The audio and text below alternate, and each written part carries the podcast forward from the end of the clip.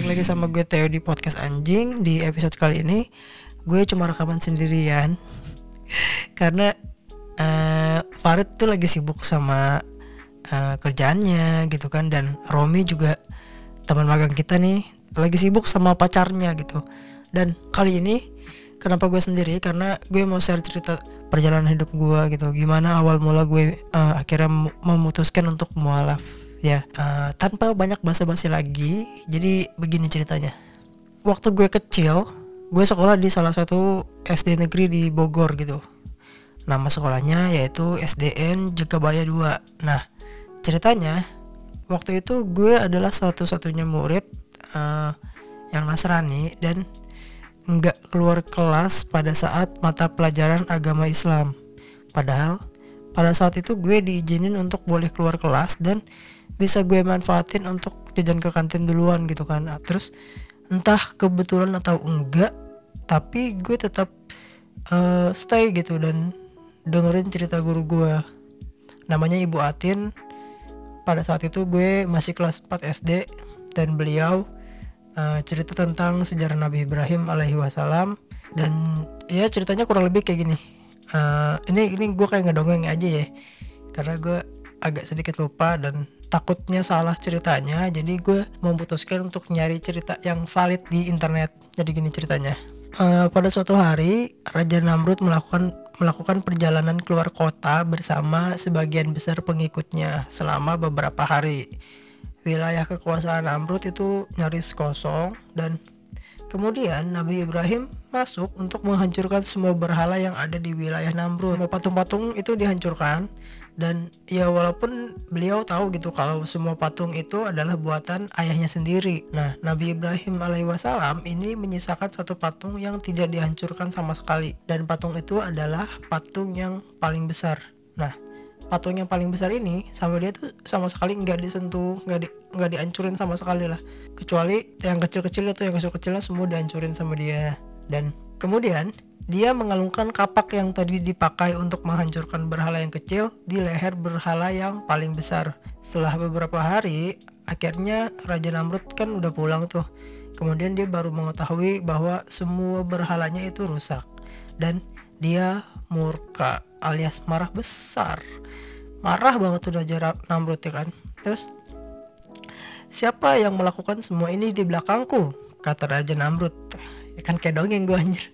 Oh iya btw asik kali ya gue bikin podcast kayak dongeng gitu. Jadi kalian kalau mau tidur dengerin podcast gue jadi kayak lagi didongengin gitu. Asik gak sih? Ya lanjut lah ya. Kebetulan uh, setelah setelah uh, Raja Namrud itu bilang siapa yang melakukan semua ini di belakangku? kata Raja Namrud kebetulan ada saksi yang tidak ikut pas uh, Raja Namrud pergi. Terus dia bilang kalau ada pemuda yang bernama Ibrahim yang melakukannya. Terus Nabi Ibrahim dipanggil untuk bertemu dengan Raja Namrud. Nah Raja Namrud itu berkata wahai Ibrahim bukankah engkau yang menghancurkan berhala-berhala ini? Bukan jawab Ibrahim singkat. Terus Raja Namrud tuh makin kesel lah kan. Oh, kesel tuh dia. Lalu siapa lagi kalau bukan engkau? Bukankah engkau yang berada di sini saat kami pergi? Dan bukankah engkau yang mem yang membenci berhala ini?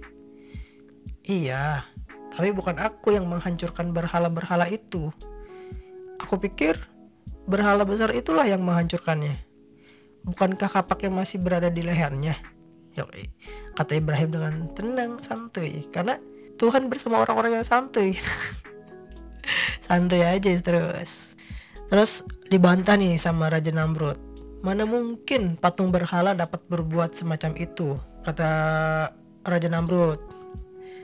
Mendengar pernyataan itu, akhirnya Nabi Ibrahim berkata, "Kalau begitu, kenapa engkau menyembah berhala yang tidak dapat berbuat apa-apa?" Mungkin ya, di situ gue ngerasain apa yang uh, ada di pikiran pengikut Namrud yang akhirnya ikut Nabi Ibrahim gitu kan. Sumpah cuy langsung kayak kena banget gitu loh ke hati. Nggak tahu sih gue ngerasain sih kayak gitu. Mungkin ya kacau dah. Terus mulai saat itu juga gue mulai penasaran sama sejarah agama Islam gitu loh terus uh, lanjut singkat cerita akhirnya gue SMP dan sempat pada saat itu gue diajak ke gereja untuk ikut acara yang lumayan menarik sama saudara gue. Dan di situ gue juga belajar sedikit tentang agama tersebut tapi nggak tahu kenapa gue ngerasa kalau ini itu gak relate sama diri gue sendiri gitu kan. Uh, dan sebelumnya gue mohon maaf untuk teman-teman yang mungkin beragama Kristen atau mungkin uh, mungkin juga Buddha gitu. Gue minta maaf kalau ada kata yang salah dan ya ini hanya berdasarkan sudut pandang dan keyakinan gue aja. Karena kalau bahasa agama tuh kan gimana ya kadang suka sensitif gitu loh.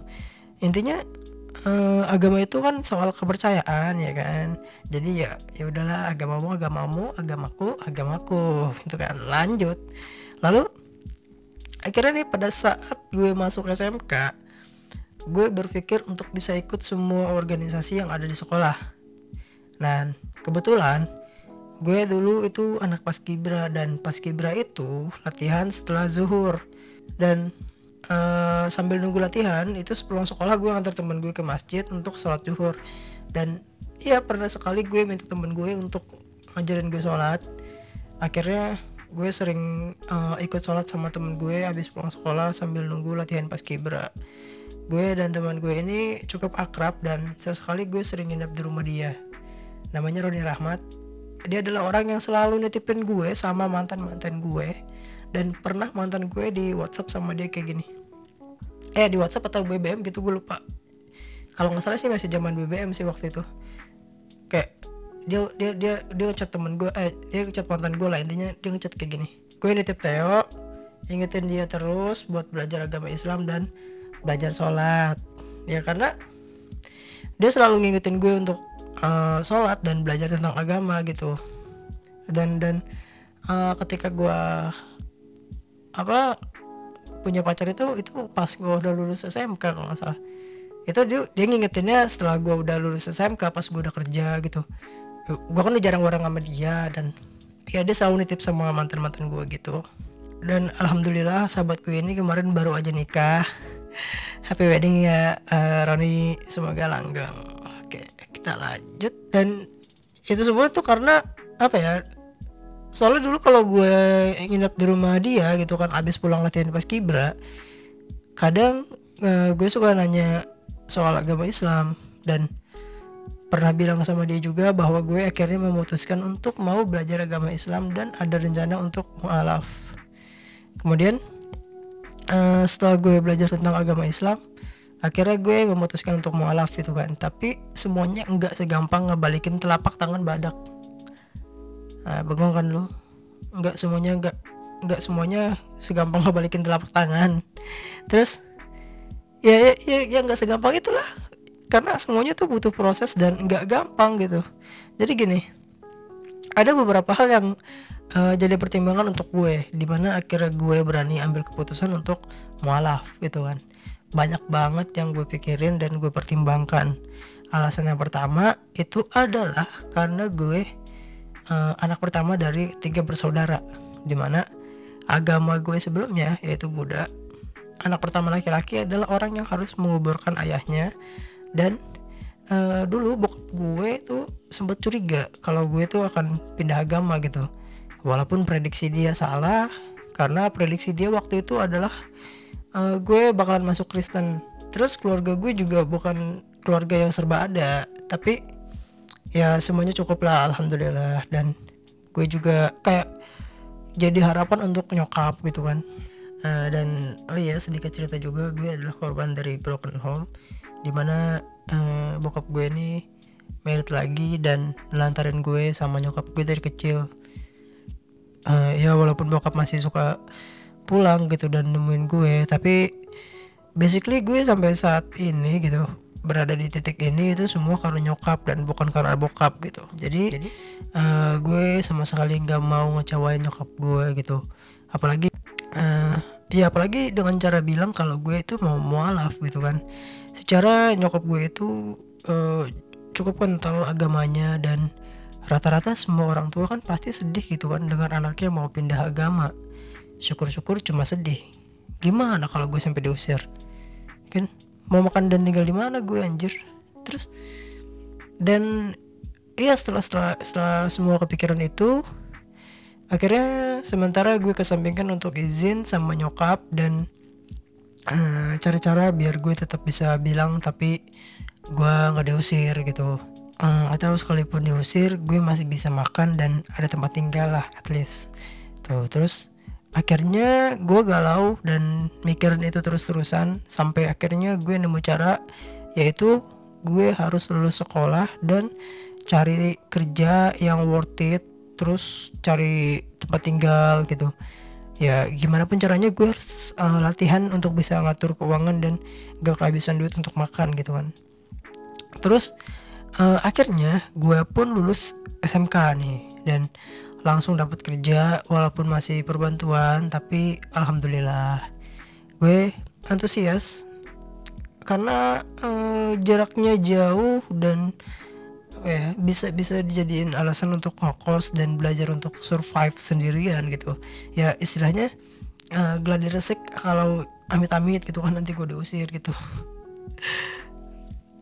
Terus uh, alhamdulillahnya lagi nih setelah masa perbantuan berakhir gitu kan kan itu perbantuan cuma dua bulan dan gue dipercaya untuk diperpanjang masa kontraknya gitu sama sama manajer gue sampai akhirnya gue kerja selama hampir tiga tahun di salah satu perusahaan di Tangerang. So uh, banyak pengalaman yang gue alamin seperti kelaparan gitu kan dan nggak punya duit di tanggal tua gitu.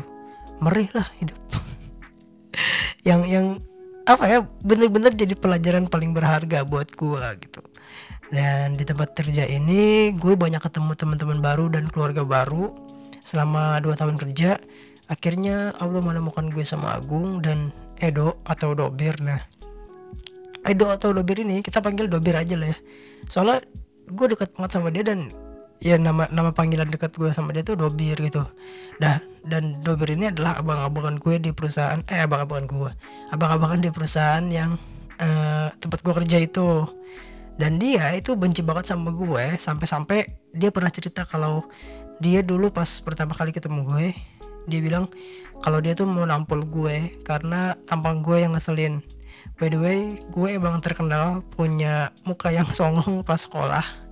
Bahkan uh, gue sering diajak ribut cuma karena teman-teman sekolah gue ngerasa dihina sama gue. Padahal uh, gue cuma ngeliatin mereka gitu kan.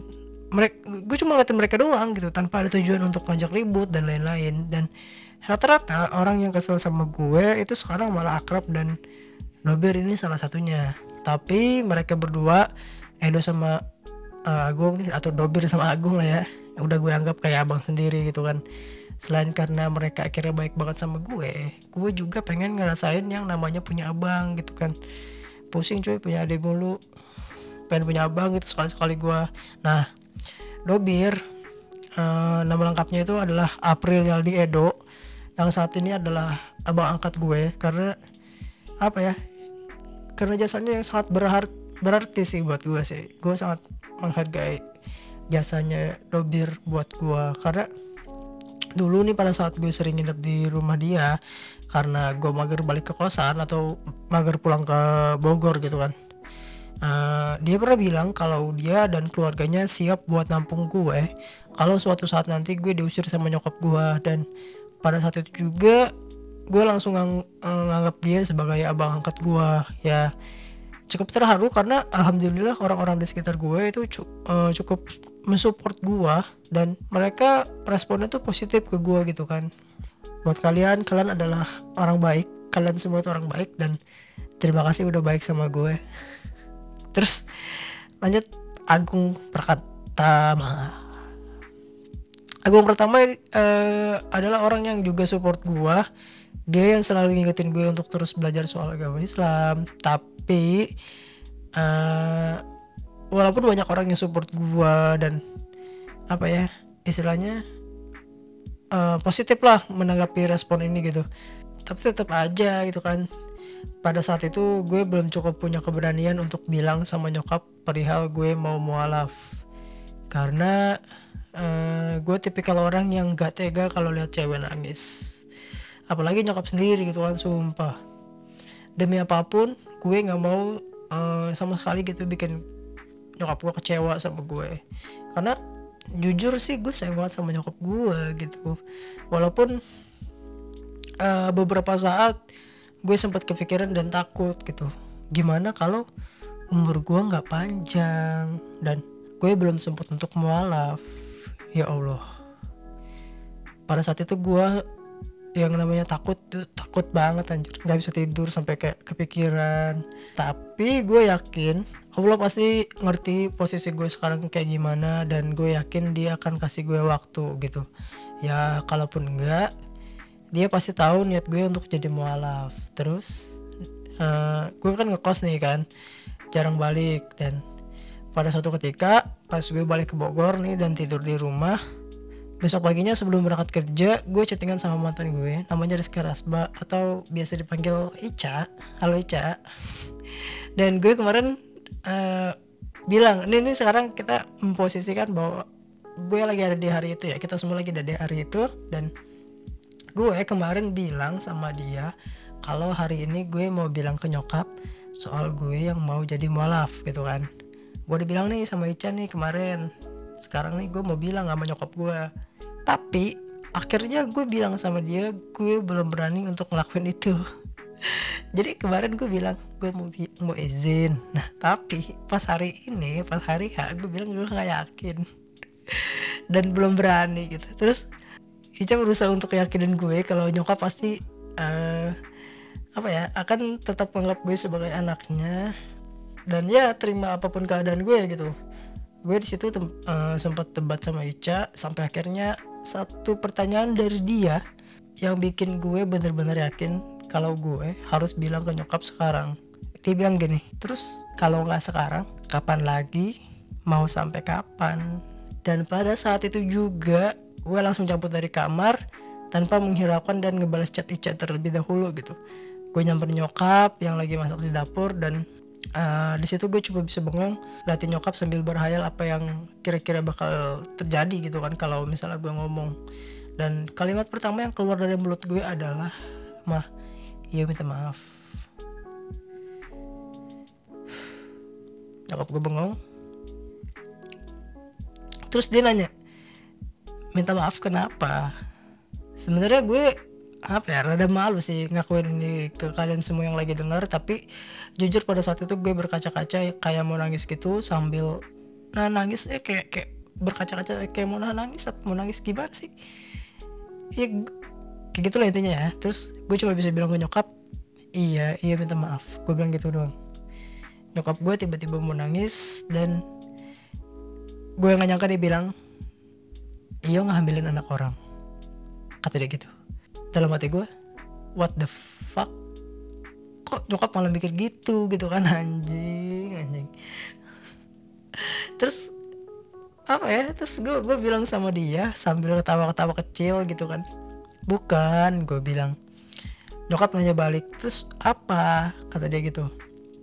Terus gue deketin dia dan meluk mama dari belakang gitu kan. Yo so sweet anjing. So so romantis sih goblok dan entah kenapa keberanian gue tiba-tiba muncul karena gue berasa uh, gue berasa untuk uh, gue harus nekat gitu.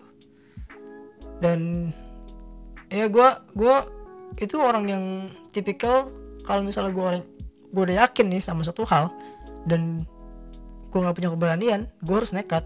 Udah gitu doang.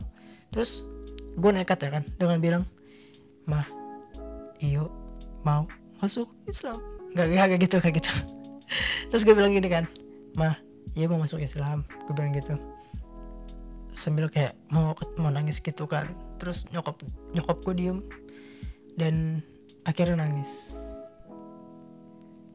Terus dia sempat tanya kenapa. Gue mm, mm, prepare untuk jawab pertanyaan ini sebelumnya gitu.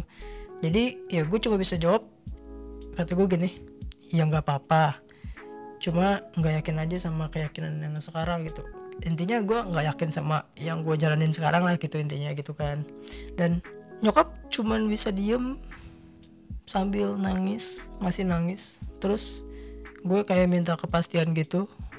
Gue bilang gimana mah kata gue. Dan sangat-sangat mengejutkan nyokap gue bilang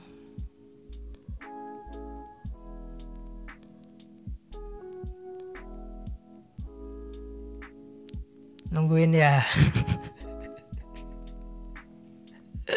Enggak enggak. Akhirnya nyokap gue bilang gini uh, ya udah kalau Iyo mau masuk Islam nggak apa-apa. Iyo tetap jadi anak mama bagaimanapun keadaannya. Yang penting bener aja ngejalaninnya. Dan pada saat itu juga di antara senang dan sedih gue berasa kayak diangkat ke atas surga dengan perasaan yang dengan perasaan yang entah ini apa gitu kan. Ya tapi alhamdulillah ya Allah akhirnya gue berani bilang dan tidak berujung makin dari orang tua gue. Terus uh, setelah gue ngomong dan diizinin sama nyokap gue balik ke kamar untuk ambil HP dan ngabarin mantan gue atau ngabarin Ica gitu kan. Dia sempat nelpon dan chat gue berkali-kali tapi nggak gue angkat dan nggak belum gue balas. Karena HP-nya kan gue tinggal di kamar kan dan itu juga mungkin karena kesel gitu kan chatnya nggak gue balas. Soalnya langsung gue tinggalin gitu loh dan gue langsung ngabarin dia kalau gue udah bilang sama nyokap dan nyokap ngizinin. Terus dia sempat percaya nggak percaya dan dia bilang dia ikut seneng juga soal ini. Ya terus siangnya di tempat kerja gue langsung bilang sama Agung dan Dobir kalau gue udah diizinin sama nyokap untuk mualaf langsung diajak ketemu uh, supervisor gue yang cukup religius namanya Pak Indra. Halo Pak Indra. Uh, makasih Bapak. Uh, karena Bapak Indra makasih Pak Indra karena Bapak udah bersedia untuk bantuin saya. Dan alhamdulillah di tempat kerja gue ada komunitas rohis yang uh, siap bantu gue juga. Dan mereka yang danain gue untuk kitanan dan nemenin gue sama Habib yang juga siap untuk ngebimbing gue ngucap dua kalimat syahadat. Mereka juga yang ngurusin semua berkas dan ngasih gue seperangkat alat sholat. Dan itu semua bikin gue makin yakin kalau Allah udah kerencanain ini semua. Dan ya benar. Dugaan gue tuh bener kalau uh, Allah tuh pasti ngasih gue waktu. Mereka juga yang ngurusin semua berkas dan ngasih gue seperangkat alat sholat gitu kan. Terima kasih untuk teman-teman rohis dan itu semua bikin gue ya makin yakin kalau Allah udah rencanain rencanain ini semua dan ya benar gitu dugaan gue kalau Allah pasti kasih gue waktu dan pelajaran yang gue petik yang masih gue percaya sampai saat ini adalah kalau lu yakin sama suatu hal dan lu bisa konsisten Allah akan pasti uh, ngasih jalan ya walaupun sesulit dan sekecil apa pun itu gitu. Kan tapi percayalah bahwa Allah tuh pasti ngasih jalan gitu. Singkat cerita akhirnya tanggal 4 April 2017 gue uh, alhamdulillah sudah sah menjadi seorang muslim dan diberi nama oleh Habib yang apa ya yang yang menuntun gue untuk mengucapkan dua kalimat syahadat itu dengan nama Muhammad Yusuf Islami. Dan Habib yang pada saat itu bantuin gue beliau sekarang sudah almarhum dan semoga beliau diterima di sisinya dan ditempatkan di tempat yang paling indah. Amin. Gue rasa cukup sekian untuk cerita podcast kali ini. Semoga kalian semua suka tapi ya mungkin gak menarik untuk kalian tapi semoga ini jadi bisa jadi jawaban untuk pertanyaan-pertanyaan teman-teman semua khususnya temen gue yang uh, sering nanya kayak gimana cerita awal lo bisa mualaf gitu. Terus ini juga sebagai jawaban teman-teman gue yang request soal ayolah teh bikin podcast tentang lo dong tentang lo mualaf kayak gimana? Kayak gitu. Jadi gue harap uh, podcast ini bisa membantu kalian semua. Makasih udah mau denger dan stay terus di podcast anjing